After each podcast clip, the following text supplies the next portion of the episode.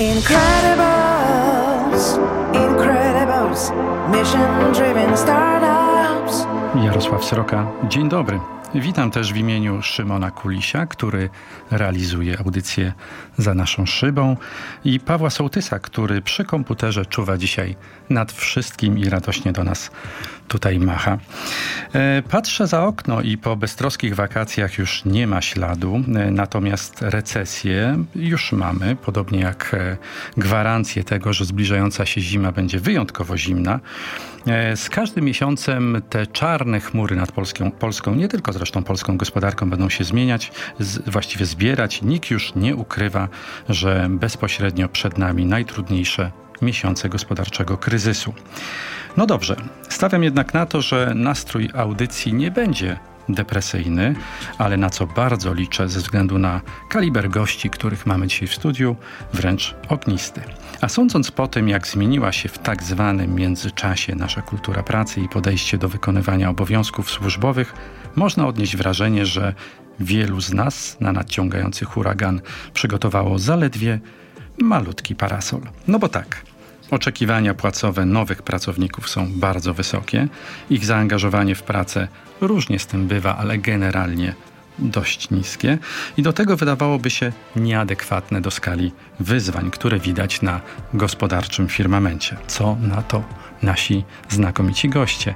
Monika Borowiecka, partner zarządzająca w funduszu Venture Capital Tangent Line. Dzień dobry, witam wszystkich. Jacek Piątek, konsultant, specjalista od strategii produktów i usług skierowanych do młodego pokolenia. Dzień dobry, witam wszystkich. I Anna Maria Szutowicz, właścicielka agencji badawczej Y and Lovers. To, to Y to taki pokolenie Y, to o to chodzi, prawda? No ale też najważniejsze pytanie, dlaczego to się wszystko dzieje i dlaczego zmierza w tę, a nie inną stronę. E, dobrze. Naukowiec specjalizujący się w badaniach etnograficznych, który obiecał, że będzie mówić bliżej do mikrofonu. Bliżej już teraz. Dziękuję bardzo. E, no to zaczynamy. E, czy wam się to, szanowni goście, logicznie spina? Kryzys u bram, czyli czas, którym poświęcenia i wyrzeczenia są jak najbardziej na miejscu, a na rozmowie rekrutacyjnej u znajomego pojawia się osoba, która ma zająć się niezbyt skomplikowaną pracą biurową, bez żadnych kwalifikacji, z wyjątkowo skromnym doświadczeniem i oczekuje 6 tysięcy złotych na rękę, a to dopiero początek jej oczekiwań. To ja bym chciała, już jestem bliżej mikrofonu i przejmę go szybciutko. Um, ja lubię te wszystkie anegdoty N1 w badaniach na ogół um, traktujemy właśnie anegdotycznie. Średnie oczekiwań y, absolwentów studiów i studentów co do zarobków to jest 4200 netto na ten moment, więc sześć. No i musimy sobie zadać też takie pytanie, y, jaki mają paradygmat ci ludzie? To znaczy właściwie dlaczego oni by mieli się zapracowywać i wejść w tę kulturę kieratu, którą pokolenie X, czyli te osoby powyżej 40 roku życia, z tym dyskursem takim właśnie wydolności i pracowitości do godziny 23.30 i bardzo często licytowaniem się nad kto pracuje dłużej w piątek, co jest atrakcyjnego w tej narracji? Dlaczego ci młodzi ludzie, którzy mają prywatne życie, chcą dbać o swoje relacje, chcą odpoczywać, grać, oglądać, konsumować, yy, dlaczego by mieli za mniejsze pieniądze wchodzić w przekładanie cudzych papierów i robienie komuś kawy? Skoro nie muszą, bo ich rodzice będą ich wspierać. My jako rodzice będziemy wspierać tych młodych ludzi, wspieramy ich coraz bardziej. Znaczna część portfela młodych ludzi to są nasze pieniądze nie mamy z tym problemu. To tak tylko wejdę tytułem drobnego komentarza i zaraz głos przekażę Monice. To strach myśleć, co będzie z ich dziećmi, skoro ich rodzice już tych rezerw nie zdążą zgromadzić. Monika. Tak, pe pewnie bardzo dużo zależy od tej sytuacji, którą ty, Jarku, przedstawiłeś, tak zwanego e, otoczenia. Jakie ta osoba, mówiąc o swoich wymaganiach finansowych, ma otoczenie. Dzisiaj między innymi to, ile oczekujemy zarobków, e, wpływa na to, czy mamy kredyt i wzrost stop e, procentowych kredytów wpływa na to, ile ludzie oczekują e, przy zarobków, szczególnie młody człowiek. Jeśli mieszka u rodziców, nie ma tego wyzwania. Dlatego dzisiaj widzimy, że jest bardzo dużo gospodarstw jednoosobowych, czy też ludzi młodych, którzy mieszkają z rodziców, z rodzicami, po to, żeby nie mieć właśnie tego typu wyzwań jak kredyt. Nie chcą młodzi ludzie wiązać się z, z tego typu zobowiązaniami. Tak, na oczywiście decyzję o pracy wpływa też bardzo dużo tak zwanych um, inne otoczenia. Dzisiaj młody człowiek chce elastycznego czasu pracy. Chce rano pójść na jogę, po południu chce pójść na siłownię, spotkać się z kolegami, chce sobie sam decydować o tym, jak chce pracować. Tak? Plus on dziś ma dosyć słaby dostęp do wiedzy. To wpływa na to też e, o rynku pracy. To wpływa też na to, jaki mamy poziom edukacji e, w naszym kraju na przykład. No ale praca jest pewnego rodzaju transakcją. No, nie można asymetrycznie tylko powtarzać chcę, chcę, chcę. A co dam w zamian temu pracodawcy? Jacek. Wydaje mi się, że e, można powtarzać, że chce, chce, chce, bo jak odpowiednia e, ilość osób e, tak będzie robić, to rynek się wreszcie dostosuje do tego. I tak było w przypadku programistów. Tam oczywiście było duże zapotrzebowanie rynkowe, więc to nie była transakcja jakby jednostronna, ale mm, to jest tak, że nowy pracownik wchodząc na rynek wnosi coś do stołu, czegoś żąda, to będzie oczywiście dyskontowane i do, iluś tam żądań rynek się dostosuje, ileś po prostu brutalnie zweryfikuje, ale z wypadkowej tego pracownik na ogół będzie miał jakąś korzyść. Myślę, że to, co jest istotne, o czym jeszcze moje poprzedniczki nie wspomniały, to pierwszy raz w historii ten well-being, czy w ogóle zdrowie psychiczne jest traktowane trochę jak koszt uzyskania przychodu. W sensie oni rzeczywiście o tym myślą, ci ten nowy narybek pracowników, bo naoglądali się rodziców, którzy siedzieli w korporacjach do 23 z jakąś obietnicą niesamowitej kariery lub zostania kiedyś może w przyszłości partnerem, a to nie zawsze się wydarzało i nie chcą powtórzyć tego błędu, bo zrozumieli, że życie to jest jakiś um, tort, w którym praca jest tylko jego elementem, a nie całością. I myślę, że tu jest ta główna różnica, że dla nich ważniejsze jest, żeby każdy z tych elementów był na odpowiednim poziomie, a nie e, definiowanie się przez to, jaki mają zawód, jaką pozycję, jaką pracę, a żądają dużo, bo mają poczucie własnej wartości na trochę wyższym poziomie, bo jednak ta, wydaje mi się, edukacja w tym zakresie i też jednak internet, który trochę przybliżył ich do zachodnich standardów, e, podbudował takie, a nie inne myślenie. Ale mhm. też pokolenie Z, musimy sobie to powiedzieć, jest bardzo radykalne, bardzo wręcz fundamentalne. Czyli trochę podchodzi do tego ja chcę, tak? Czyli przychodzą i e, ja pamiętam, że jak ja zaczęłam pracę w korporacji, to pytałam, e, jakby pytałam, mówiłam w swojej korporacji, co ja mogę dać do korporacji. Tak? Co, jakie ja mam kompetencje, jak się mogę tym podzielić, co ja mogę zrobić dla korporacji.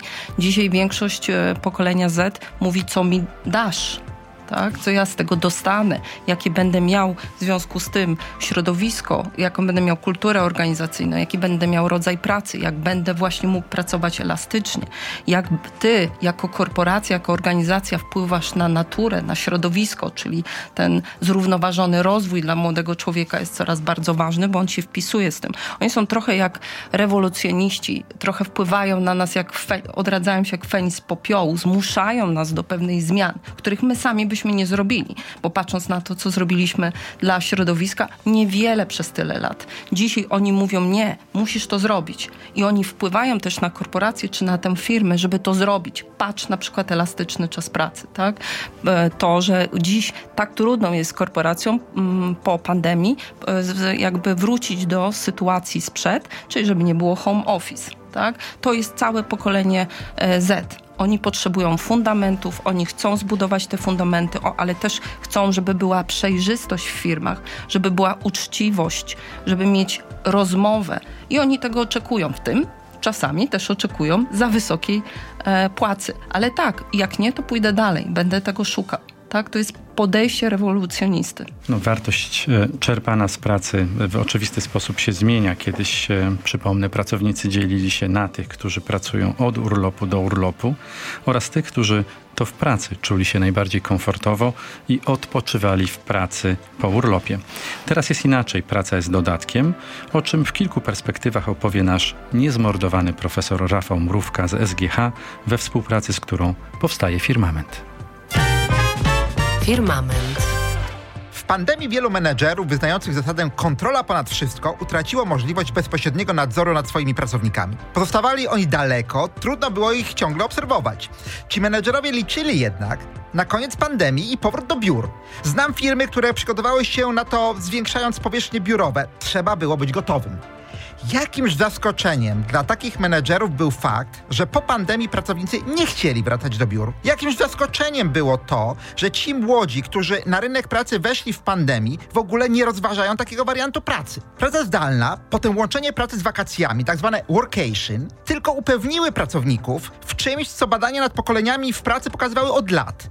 Dla młodszych praca przestaje być priorytetem. Liczy się przyjemność, równowaga, zdalna komunikacja, w tym za pomocą głównie obrazów, wideo i statycznych, uznawane jest to, jest to za wystarczające, wręcz jedyną akceptowalną formą. Pandemia była więc tylko katalizatorem przyspieszającym tę przemianę, ale to nie ona ją wywołała. Firmy oczywiście mogą próbować złamać przyzwyczajenia swoich pracowników. Na razie brakuje ku temu narzędzi, gdyż ciągle mamy do czynienia z tak zwanym rynkiem pracownika, na którym podaż talentów jest mniejsza niż popyt na nie.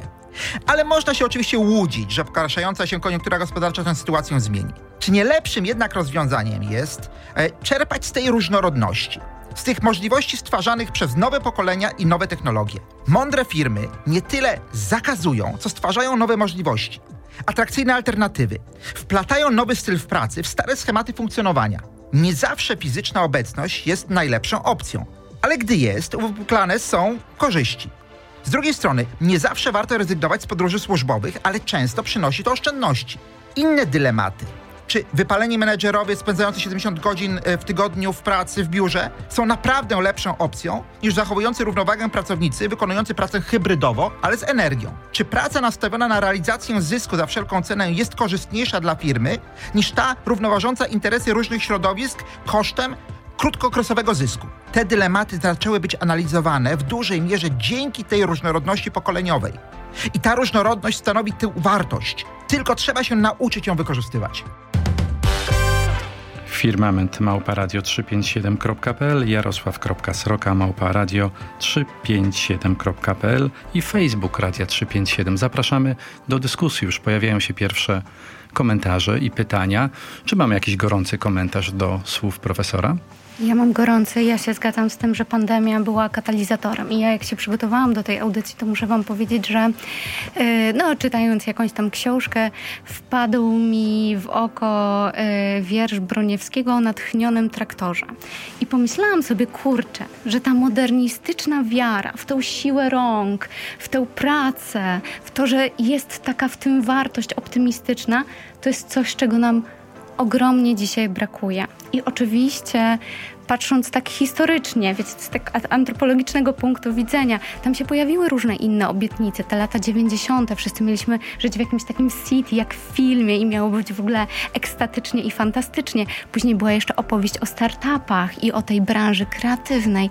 A dzisiaj wiecie, co jest taką narracją?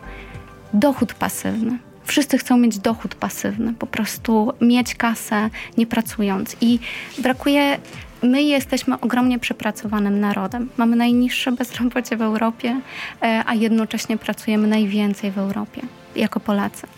Ale a tak dużo jeszcze mamy do zrobienia brakuje sensu pracy. Ludzie potrzebują sensu i ciężko jest go dowieść. A jak nie ma sensu pracy, szukamy sensu w życiu prywatnym i to życie prywatne jest coraz bardziej wartościowane. Tutaj widzimy bardzo wiele zmian. Yy, na przykład yy, ojcostwo, tak jeżeli mężczyźni nie spełniają się w pracy, a jeszcze przecież dla pokolenia naszych ojców to był największy obszar po prostu satysfakcji. Dzisiaj przenosimy to na to życie prywatne i albo pasję i sporty, albo ojcostwo, bo praca po prostu już nie dowozi tych sensów. Monika Borowiecka, Jacek Piątek, Anna Maria Szutowicz. Dziękuję Wam bardzo. Pieniędzy Państwu życzymy.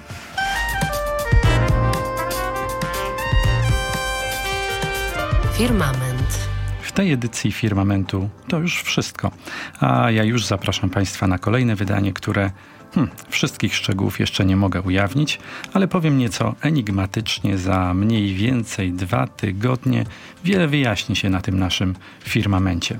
Patroni Radia 357 już wiedzą o tym co się wydarzy i bo będą pewne zmiany w ramówce, ale uwaga, firmament ma się dobrze, by ludziom żyło się dostatni. Chyba tak to szło, prawda Paweł? Cała audycja oczywiście dostępna w podcastach o każdej porze dla każdego patrona, a jeżeli ktoś preferuje skrót całości, zapraszam na kanały programu Incredibles Sebastiana Kulczyka na YouTube i Spotify. Szymon Kuliś, Paweł Sołtys i Jarosław Sroka. Do usłyszenia. Incredibles, mission driven startups.